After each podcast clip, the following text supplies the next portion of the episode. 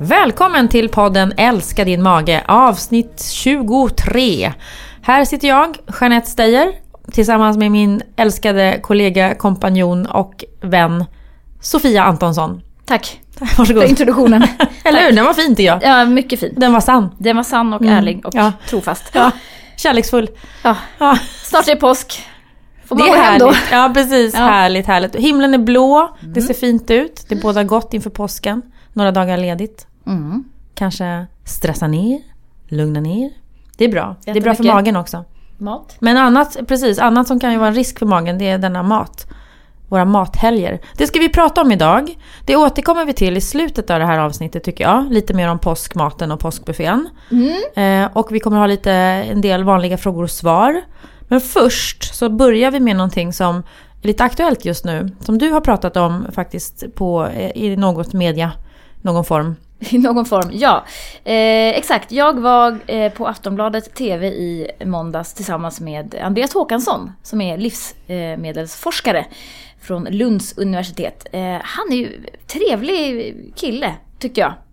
Kul! Jättehärlig. Han har skrivit en bok som heter Det ängsliga matsamhället. Vi möttes någonstans kring hälsoångesten, han och jag. Ja, där delade ni. Hade ni en gemensam nämnare? Ja, precis. Han har skrivit en eh, debattartikel på DN eh, med hans kollega Carolina Östbring. Eh, och det här är ju lite intressant för då var, taket på det här var, är det liksom bra eller alltså färdig mat, bra eller dåligt? Ja. Och då har han en liten annan vinkel för att många av oss ju bara tänker färdig mat lika med dålig mat.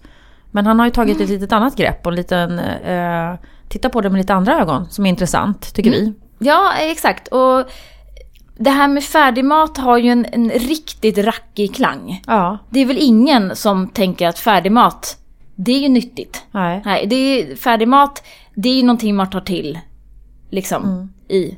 Ja, man har lite ångest liksom när man göder barnen med fiskpinnar och falukorv och så vidare. Men ändå, man vill liksom inte kännas vid det riktigt. Men ändå gör man det. Man Alltså, gör det.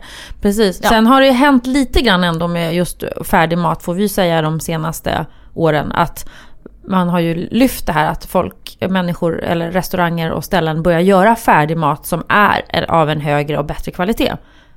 Till exempel idag gick vi på en restaurang här i Stockholm och eh, köpte mat, lunchmat, som var fantastisk. Och den var färdig, färdig mat.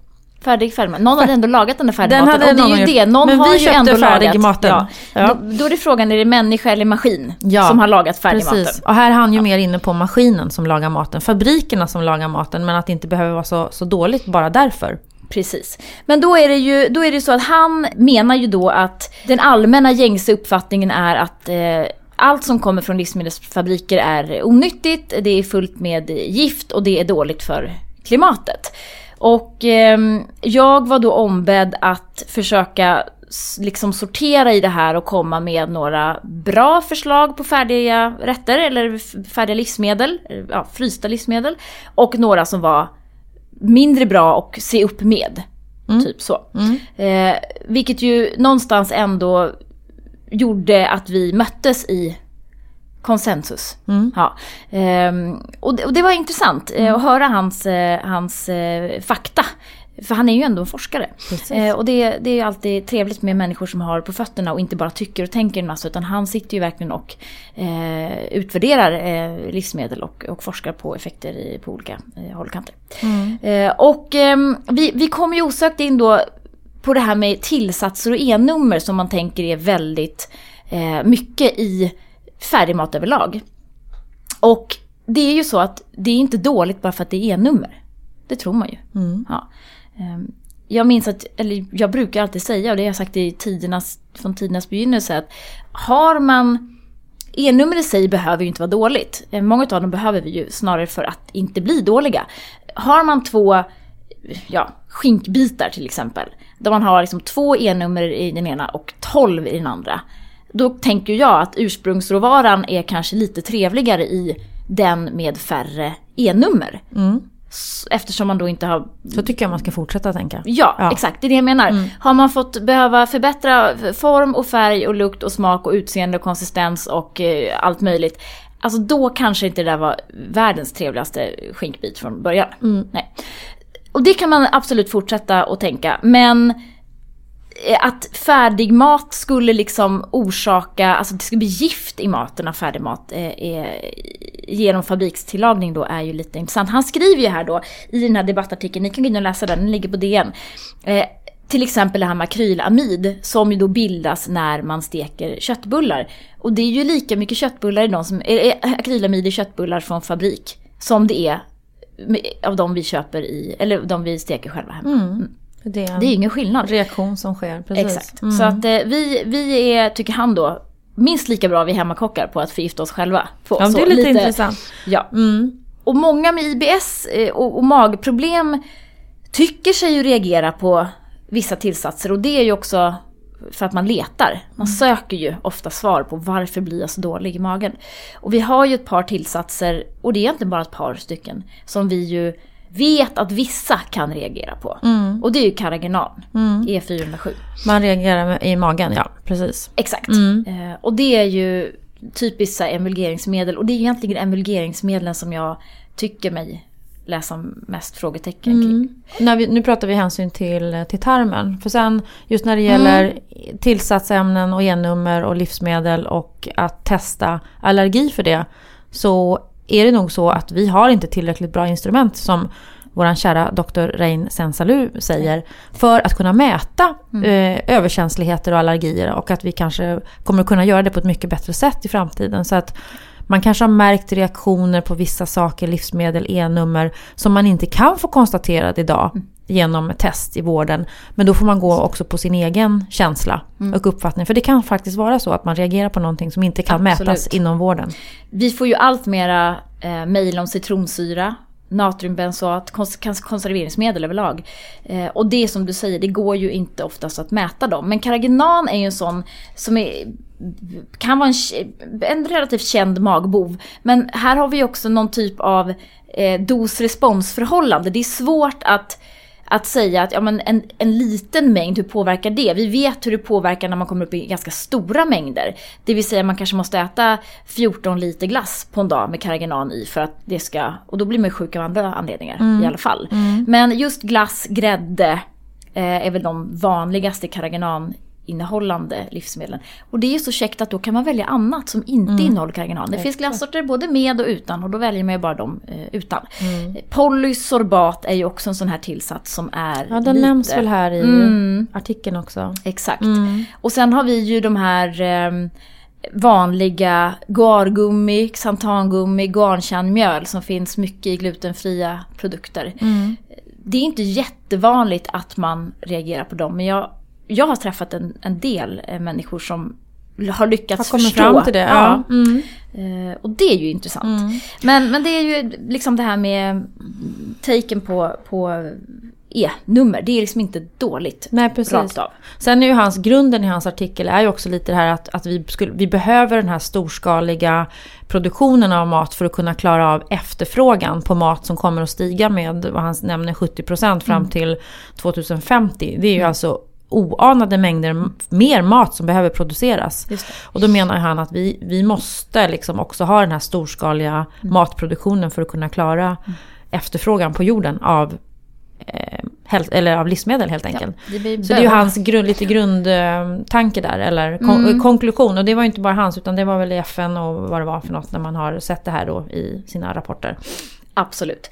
Um, och sen är det också det här viktiga med näringen i mat. Vad händer med den när man processar livsmedel och så vidare? Ja, men det kan ju hända massa. Det är ju mera näring i en, en färsk ärta än i en kokt ärta, som han så vackert beskriver här också. Och vi vet ju sedan tidigare att analyser på fryst broccoli kontra färsk visar att det är mer näring i den frysta. Och det beror ju på att de fryses in direkt efter skörd. Alltså det är ju, de är supersnabba.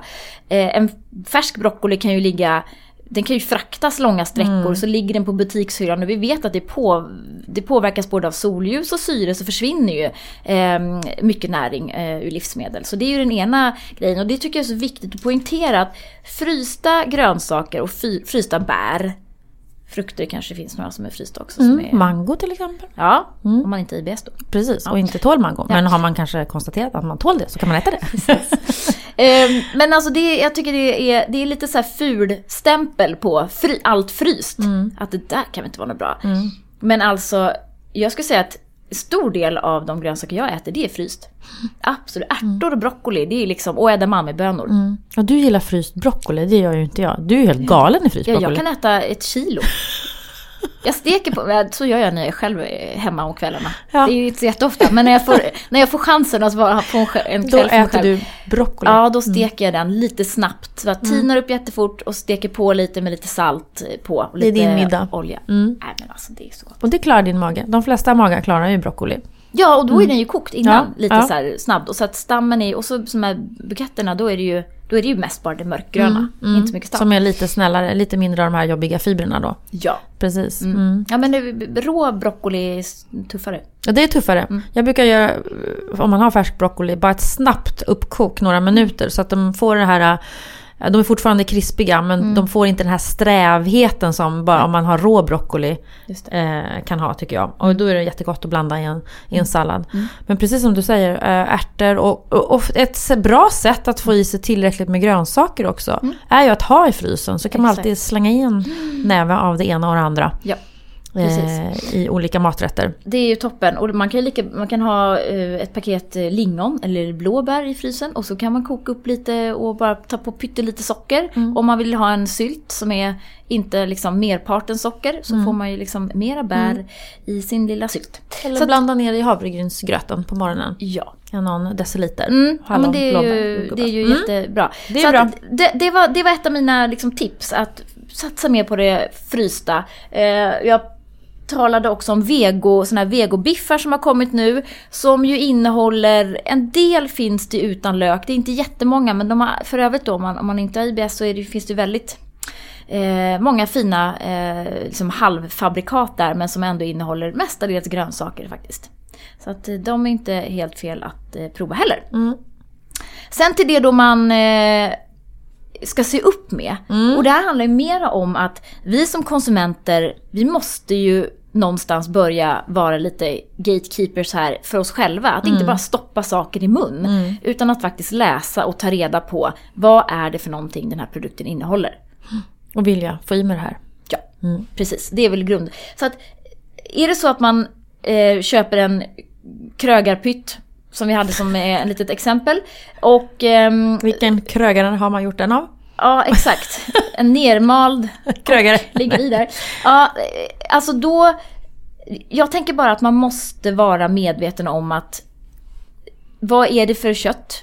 Eh, hur mycket kött är det i? Ofta står det att det signalerar att det är någonting med kött. Och så är det liksom 3% nötkött från odefinierat land. Ja. Eller så. Hopmalt. Ja. Odef- odefinierade köttbitar. Exakt. Eller så det djur. handlar mycket om att bli inte lurad. För vi blir det hela tiden. Eh, det finns ju... Det är de här klassiska exemplen också. Guacam, färdigköpt guacamole som innehåller 3% avokado. Ja, eller ingen avokado Eller finns det också. Den är ju skönast. Ja. Och den är inte ens grön. Den är liksom röd i den mixen. Nej. Nej men gud. Ja. Okej. Eh, precis. Och mera så här vaniljglass som är liksom vaniljt kommer från någon sorts granbark liksom. Som, det. som liknar någon vaniljsmak. Det är inte alls vanilj. Och då borde man ju vara lite ärlig och säga det som Mm. Precis. producent då. Ja. Kan man tycka. Men det, och det är ju inte farligt eller eh, liksom så eh, att äta det. Men, eh, Nej, verkligen men det inte. kanske är vad betalar man för och vad vill man stoppa i sig? Kanske lite mer den tanken. Precis. Mm. Och sen har vi en faktor då, eller ett faktum att många färdigrätter du vet man köper en eh, lasagne eller man köper en eh, sån här minutbiff med pommes och bea. Det finns försvinnande lite grönsaker i de här färdigrätterna. Jag tittar på någon nu som det var tusen kalorier i nästan på en färdigrätt och 50 gram fett. Och 1000 kalorier kan vi då översätta till. Det är ungefär halva, halva behovet för en kvinna i en normal ålder höll jag Ja, på halva dagsbehovet, ja. halva dagsbehovet för en kvinna, Ja. typ. ish. Och 100% av, av fettbehovet. Och det är då det här mättade fettet som vi ju tänker inte är så det bästa för kroppen. Så det är återigen att vara lite uppmärksam på just de här färdiga pizza och eh, lasagne och de här grejerna som kanske inte är så, så fina. Och sen att man också, eh, det finns sallad, eh, också såna här stor plastlådor med 90% pasta i och tre blad isbergssallad och några majskorn. Mm. Det är ju inte heller liksom det mest nyttiga. Nej. Så det handlar väl mycket om att det är inte fel att äta halvfabrikat eller färdigmat eller så. Det finns ju massa olika som har kommit, såna hälsobowls och eh, curryvarianter och så här vegogrejer med massa bra saker i. Men titta på förpackningen. Precis. Ja. ja. Bli inte lurad bara för att det står också att det är hälsosamt eller nyttigt eller signalerar landet eller naturligt eller Nej, så. Det verkligen det. inte. Mm. Och är det så att ni tycker att det är bökigt att gå i butiken och klura på innehållsförteckningar så kan vi då rekommendera vår app där vi har en scannerfunktion där man helt enkelt blippar av inne, eller vad heter det, streckkoden. Och så får man upp i sin lilla telefon om det är okej eller inte att äta avseende då FODMAP. Avseende FODMAP, precis. Ja. Det måste vi understryka här. Inte ja. avseende eh, näring eller annat. Nej. Nej. Eller tillsatsämnen eller så vidare. Ja. Mm. Men många av de här har ju lök i sig. Eh, och det är såklart ett, en, en eh, försvårande omständighet. Mm. Om man nu vill undvika det. Mm. Mm. Ja, Bra. det var en annan vinkling på det här med färdiglagad mat. Ja, men det är mm. okej. Färdigrätter. Tycker jag. Det är okej att äta någon gång då och då. Visst är det det? Ja, det är bättre att äta det än att uh, inte äta något, säga. Eller att få ha ångest. Ha inte ångest. Ha inte ångest. Nej, Nej det, det, det blir inget bra för magen. Ni är förlåtna allihopa. Ja. ja. Vi är sponsrade av Dofilus. Ja, stämmer bra. En yoghurt som ju egentligen lanserades på tidigt 80-tal men som har eh, relanserats nu med tre tillsatta bakteriekulturer, vilket ju är jätteroligt. Precis. Mm. Vi, vi, brukar ju tjata om det här med att äta probiotika med flera olika stammar. Mm. Och vi vet att många med IBS letar probiotika som kan hjälpa magen på traven. Och eh, det kan ju hända att det här kan eh, bli en god vana med ja. en sån här yoghurt. Absolut. Och den smakar bra. Och det är inte alltid man lyckas göra produkter med tillsatta bakterier faktiskt som, som smakar bra. Men den här finns då i två smaker, naturell och blåbär och är såklart laktosfri. Exakt. Och är man en sån här snabb frukostätare som bara vill ta med sig något eller bara tjoffa i sig någonting snabbt. Så finns ju den här shotten som är på 125 ml med blåbärssmak. Eh, den är ju bra att bara eh, antingen som på morgonen eller som eh, mellanmål. Och den här har ju då tillsatt D-vitamin också. Det är bra så här års på den högre dosen som är då 1,1 mikrogram per 100 gram. Ja, och det är ju viktigt att prova under en period. Gärna två månader kan man utvärdera. Och eh, så kan man ju tänka sig att eh, det här med dåförlust kan bli en god vana som man kan använda varje dag. Det tycker vi. Vi får många frågor till oss och nu tänkte vi gå igenom några som har kommit in här senaste tiden. Och vi knyter an lite till det här med ångest då. då. Mm. Ja. Vi fick ett eh, mail här från en person som känns lite deppad. Mm. Mm. Personen i fråga åt antidepressiva eh, tabletter och hade börjat med FODMAP. Och eh, hade blivit mycket bättre i magen på ett par veckor. Men kände sig lite trött, lite mer energilös. Tyckte att ångesten hade ökat lite grann. Ungefär som när hen började med sina antidepressiva. Och frågan var då, kan det, hänga, kan det här påverka att jag har börjat med FODMAP? Kan det påverka eh, mitt serotonin? För att mycket av den produktionen sker ju just nere i tarmen. Mm. Och påverkas av tarmbakterier. Så det var en mm. väldigt intressant och bra fråga tycker jag. Mm. Eh, att ha tänkt det. Eh, och vårt svar var ju att vi, vi vet ju inte riktigt. Nej, vi har ju inget svar. Nej, det var, så där var den frågan avklarad. Det var det. Ja. Eh, nej men eh, exakt, det här, är ju, det här är ju väldigt intressant. Eh, eftersom vi behöver tarmbakterierna för att de ska tillverka serotonin av tryptofan då och, för övrigt. Ska vi säga vad både serotonin och tryptofan är då? Så ja, att alla är med på den. Fia Antonsson. Serotonin är ju en signalsubstans. Eh, en utav många. Vi har ju eh, många sådana kemiska budbärare som är då eh, noradrenalin och adrenalin och dopamin och serotonin bland annat. Alltså vårt må bra hormon. Vi mår bra helt hormoner, bra. Ja, och serotonin till, tillverkas då av tryptofan. Eh, som, och det är tarmbakterierna som gör detta och det får vi ju i oss via kosten. Eh, ägg, eh, mjölk, kött, banan till exempel, kiwi innehåller tryptofan eh, och som då kan omvandlas till serotonin. Men det som är lite problematiken med det här återigen är ju att vi vet inte hur gemene man, eller eh, egentligen enskilda individer ska jag säga, ser ut inne i tarmen. Vi vet inte vilka stammar som, eh, som man har. Eh, och vi vet att en, en, under elimineringsfasen av FODMAP så minskar ju bifidobakteriehalten i tarmen. Det har man sett i studier. Men utan att egentligen se någon konsekvens av det. Det är inte som att man då kan koppla att ja, och då blev personerna nedstämda eller då försämrades serotoninproduktionen. Det vet man ju inte. Och eh, det verkar inte heller som att det är någon specifik stam som är ansvariga för serotonintillverkningen. Utan mm. alla stammar lever ju återigen då i symbios och vissa stammar som jag har kanske inte ens du har. Alltså mm. det kan ju faktiskt skilja sig så mycket också. Eh, men det är ju, allting är ju möjligt. Mm. Eh, och det är därför det är så viktigt med det här återinförandet för att få i sig prebiotikan då, maten till tarmbakterierna. Eh, och kanske få en, en balans igen och få igång den här produktionen på serotonin. Mm. Om det, om, det liksom, om det är så, det är så det hänger ihop. Nu är det lite snillen spekulerar här. Ja. Men, men vi vet att, ja. att det, den faktum som du säger, att mm. produktionen sker där nere, att det är tarmbakterier som är involverade. Mm. Och vi vet att det händer saker med tarmbakterierna när vi börjar med FODMAP. Eh, så det är jätteintressant. Ja. Eh, vad var det jag tänkte på just när det gällde serotoninet? Att, jo, eh, det kan ju också vara så att när man börjar med FODMAP och man känner sig att man blir mer mm. trött eller mer energilös. Att man kanske ibland får i sig lite för lite. Mat helt enkelt, eller lite energi. För att man, man ändrar sin kost kanske ganska mycket. Och eh, plockar bort saker som man har ätit och har kanske inte hittat någon ersättning. Och så blir det kanske lite mindre energi man får i sig. Mm. Och det ser vi på en del som också berättar, eller människor som vi träffar, att man går ner några kilo i vikt mm. bara bara farten. Mm. Um, när man börjar med FODMAP. Mm. Och, och, det är ju bra för vissa, men det kan ju också vara jobbigt för vissa som inte behöver det. Utan då plötsligt ligger de i en negativ energibalans och känner sig liksom trötta och orkeslösa. Mm. Så den faktorn kan man ju också tänka över. Ja, många blir ju också lite små låga av att bara inte kunna äta det man kanske mm. tidigare ätit mycket av till exempel. Det kan ju också vara en faktor att det blir inte så jäkla kul längre. Nej, Nej. Ja, men också om man kanske är van att köra lite på socker, eh, mm. hög sockernivå. Mm. Att man peppar upp sig själv med, mm. med godis och fika och bullar och så plötsligt så ska man inte göra det då. Mm. Det kan ju också bli en skillnad de första veckorna där. Att man kommer på en liten detox. Mm. Nästan, eh, när det gäller sockret.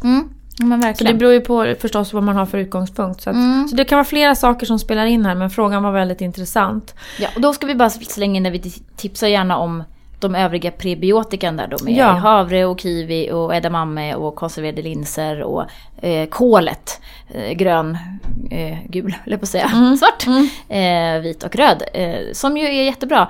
Det behöver inte vara så varierat. Det huvudsakliga är att man får i sig någonting av det mm. till varje måltid. Så göder man ju tarmbakterierna lite extra. Just, för då var det också bara en liten sak som jag eh, tänkte komma in på. Det här, um, vi har ju en uh, en hemlig sluten Facebookgrupp eh, när man blir medlem hos oss där våra medlemmar är jätteunderbara, gulliga och stöttar och peppar varandra och frågar och vi försöker hinna med att gå in och, och också svara ibland om, om vi anropas då. Eh, men där var det en tråd som jag eh, läste precis här idag de, angående det här med att hålla motivationen uppe när man börjar med en sån här kostomläggning med FODMAP. Att, att det kan vara svårt att göra det. Eh, att det liksom, man ska planera och tänker man alltid, ja men jag börjar imorgon och på riktigt och så fastnar man, råkar man äta massa choklad en kväll och så tänker man, nej men jag börjar i nästa dag igen. Och även om man kanske känner att man har blivit bra i magen så kanske motivationen saknas. Mm. Eh, de flesta ska jag dock säga som märker att de blir bra i magen blir ju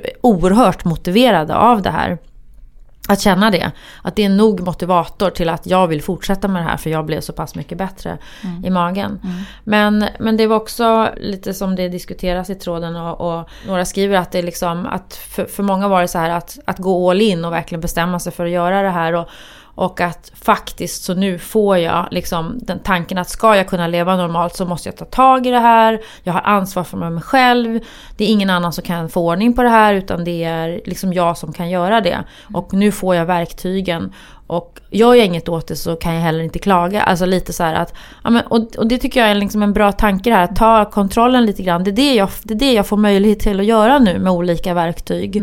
Mm. Um, och att det kan bli mycket bättre och då kommer man ju stärkt ut av det att man har klarat det. Mm. Och så komma ihåg att, att kostbehandlingen är jobbigast i början. När det tar liksom några veckor, månader. Så, men sen börjar det, liksom, så sätter det sig oftast mm. för de allra flesta och mm. blir lättare. Och man återinför och så vidare. Mm. Men det var bra pepp och det var många intressanta inlägg just om, om motivationen och hur man ska hålla den uppe. Och mm. tipsar och planera och liksom gör så här och tänk så här och så.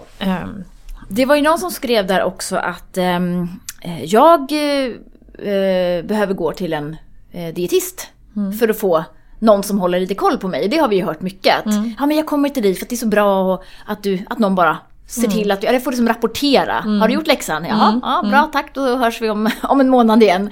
Eh, och då ska vi också passa på att säga att det går ju faktiskt att boka tid hos oss om man mm. nu skulle vilja ha en personlig, eh, lite pepp, push, eh, lite så här eh, pek i rätt riktning. Eller om man helt enkelt bara känner att jag måste få höra med de här tjejerna om jag har IBS eller inte eller vad jag kan göra åt det. Då finns det möjlighet att boka tid. Vi eh, håller videokonsultationer via ett, en plattform som heter medicheck.se. Det är en plattform för specialistläkare men där vi också ligger med för tidsbokning. Mm. kan man gå in och boka sig en liten tid där. Det går att boka en kvart om man känner att man bara har några frågor. Vill man berätta sin Eh, livshistoria så bokar man eh, gärna ett längre samtal. Det, så lyssnar vi. Så lyssnar Så gärna. Precis. Mm. Ehm, då, och då vill jag också passa på att säga att vi får ju också väldigt många frågor på mail. Både av våra medlemmar och icke-medlemmar. Och vi har tyvärr inte vi vare sig kan eller får egentligen besvara och sitta och ge personlig rådgivning på mail. Mm. Eh, man försöker svara på lite allmänna frågor eller sådana lite snabba frågor men, mm. men bara ni som skriver med, med mycket frågor att eh, det blir så här att får man sådana undringar och beskrivningar så föder det ofta motfrågor från oss. För man vill ha reda på mer, man vill ha den här diskussionen eller samtalet när man har en konsultation. Och det kan man liksom inte göra på mail, vi har inte den möjligheten. Och vi får, igen, får inte göra det heller för att vi ska ju journalföra om vi ger liksom personlig rådgivning på det sättet. Absolut. Så vi försöker hela tiden ha den här balansen. Så att, mm. så att ni kära medlemmar och icke-medlemmar mm. Eh, att ni förstår det, att det är inte så att vi, vi vill gärna men vi har liksom inte möjlighet för att svara på alla frågor och ta ställning till allting via mail. Om man nu undrar om man kan äta gurka, då kan man fråga oss om det via ja. mail. Men ja. har man haft det i en vecka och eh, undrar hjälp, vad fasen ska jag göra? Eh, då blir, då det, svårt. blir det svårt att hjälpa ja. på ett mail. Då får man boka en konsultation då vill man så hjälper lite. vi er så gärna. Mm. Eh, sen hade vi det här med glutenfritt som du ville eh, tydliggöra. Ännu en gång. Mm. Jag tydlig, för att man frågar också, men varför ska man äta gluten glutenfritt när man eh, inte är konstaterad glutenintolerant och när man går efter kostbehandlingen FODMAP. Det är ju en, en vanlig fråga om ett vanligt missförstånd i början.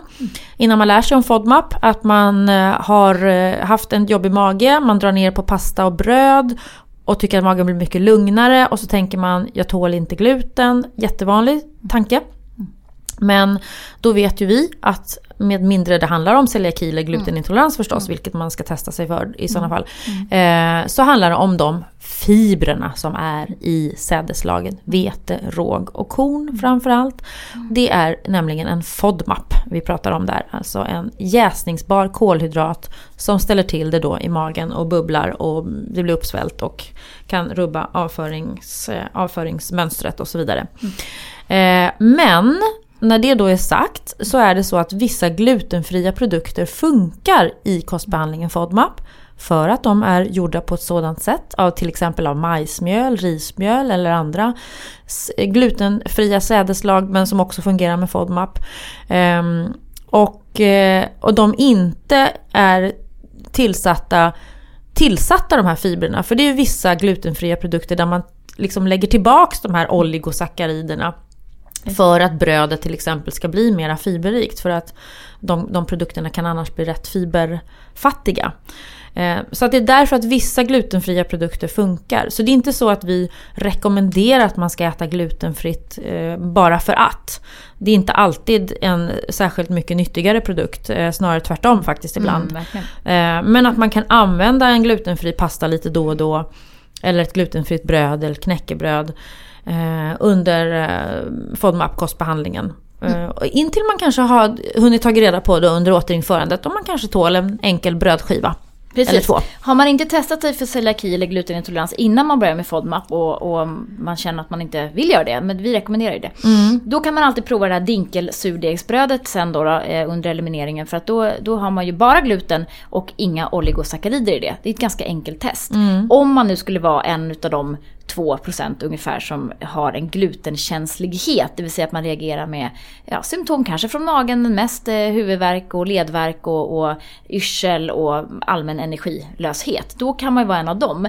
Vi pratade för något avsnitt sedan om en översiktsartikel som var skriven i Läkartidningen. Eh, behandlingsriktlinjer för IBS. Och där reagerade vi på att det stod att eh, tester för födoämnesintoleranser inte eh, tyckte de var nödvändig innan man då, eh, när man får en, en IBS-diagnos. Där är jag inte alls enig. Eh, jag tycker det är jätteviktigt med eh, ett glutentest. Mm. För att få reda på, eller bara utesluta. Mm. Jätteviktigt, framförallt om man har någon i familjen som är glutenintolerant. Då finns det en ärftlig faktor, mm. då ska hela familjen eh, testas. Mm. Och är det nu så att man har tagit bort gluten sen innan och funderar på att lägga tillbaka det för att gå och testa sig så är det 6 8 veckor med två brödskivor per dag ungefär i den mängden som behövs. kan man köra dinkel surdegsbrödet så slipper man magbullret men man får ändå i sig mm. gluten så man kan göra ett, ett test. Precis, för ja. dinkel är en vetesort men är en vetesort som innehåller lite av de här jobbiga fibrerna. Och speciellt när det är surdegsbakat då så är det ännu snällare. Men och sen det här med 68 veckor, det kan man nog höra lite olika också inom vården för man vet inte helt exakt. Men, men då tänker vi att man ändå är home safe om man mm. får i sig det i ett par månader nästan. Drygt. Exakt. Mm. Och får man symptom av det, då vet man ju det. Precis. Alltså då är man ju glutenkänslig på ja. något vis i alla fall. Ja. Fint. Eh, snart är det då påsk och då återkommande eh, teman kring de här högtiderna är ju sill med lök. Sill i lök. Ja, kan man äta sill med lök i spaden? Och då är svaret ja, man kan äta sill med lök i spaden eftersom lökfibrerna hoppar ut i spaden men de hoppar inte in i, i sillbiten igen. Mm i nämnvärd utsträckning. Eller hur? Men man behöver inte välja fransk löksill, brukar jag säga. Nej, okay. Eh, om man köper färdig. Annars så gör man ju med fördel en egen inlagd sill med mm. ingefära och citron och eh, vi har massa fina Purjolök då kan man använda, ja. salladslök. Eh, sådana kan man ju använda då i sillen. Ja. Men annars, skaka av lökbitarna och ät sillen. Exakt. Det brukar funka för de allra flesta. Funkar Gräslök är också fint att klippa över om man Skärgårdssill med gräslök. Ja men precis, mm. så man kan använda de här uh, varianterna på lök för att få den här lite löksmaken mm. om man uh, är intresserad av det. Mm. Om man vill äta sill. Precis, och sen är det det här med godiset då igen. nu är vi där igen. Ja, ja precis. Vi är där igen. Um, då är det marsipantider och då får vi frågor om marsipan, om det går att äta. Och marsipan är gjort på Mandlar. Ja. ja. Och socker. Ja, mm. i varierande mängd. Precis. Ja. Det jag finns... ska säga mer socker än mandel. Kanske. Socker är billigare. Ja, hittar ja. man något med mer mandel än socker så är det ju bra. Ja, eller inte. Ja, alltså, eller jag, jag tänker rent kvalitetsmässigt så kanske man skulle föredra att det var mer mm. mandel än socker. Men Verkligen. sen när det gäller då FODMAP-mässigt, eftersom mandlar är lite begränsat. Mm. Att det är gulmarkerat, 10 mandlar är gult. Men har man mm. testat och känner att det funkar bra, då kan man ju prova marsipan eh, alla gånger. Man kan eh, äta en liten marsipankyckling man behöver inte äta den stora marsipangrisen. Kanske inte ens finns nu till påsk i och för sig. Men eh, Nej, det, det handlar ju om mängd. Ju. Ja det är det faktiskt. Ja. Men oavsett, eh, marsipan är ju okej. Okay. Om man tänker att man äter lite i en eh, tårtbit kanske. Eller i en, bara en, en, ett marsipanägg. Mm. Går jättebra. Ett ägg. Ja. Eller flera. Vad, vad, vilken, vad är det för hopblandning av eh, traditioner och mat vi har vid den här högtiden? Om ni inte har sett Johan Glans när han pratar om påsken så gör det.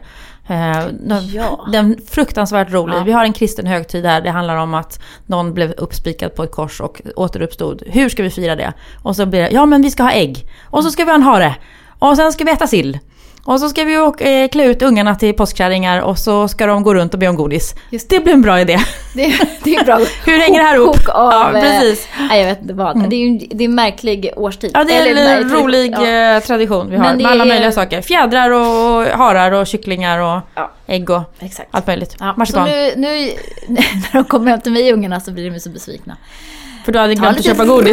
russin, det är också Broccoli har vi. godis. Ja, Ja, nej, men eh, det är ju det är, det är väl klart man kan äta lite godis. Men eh, ja, allting med måtta.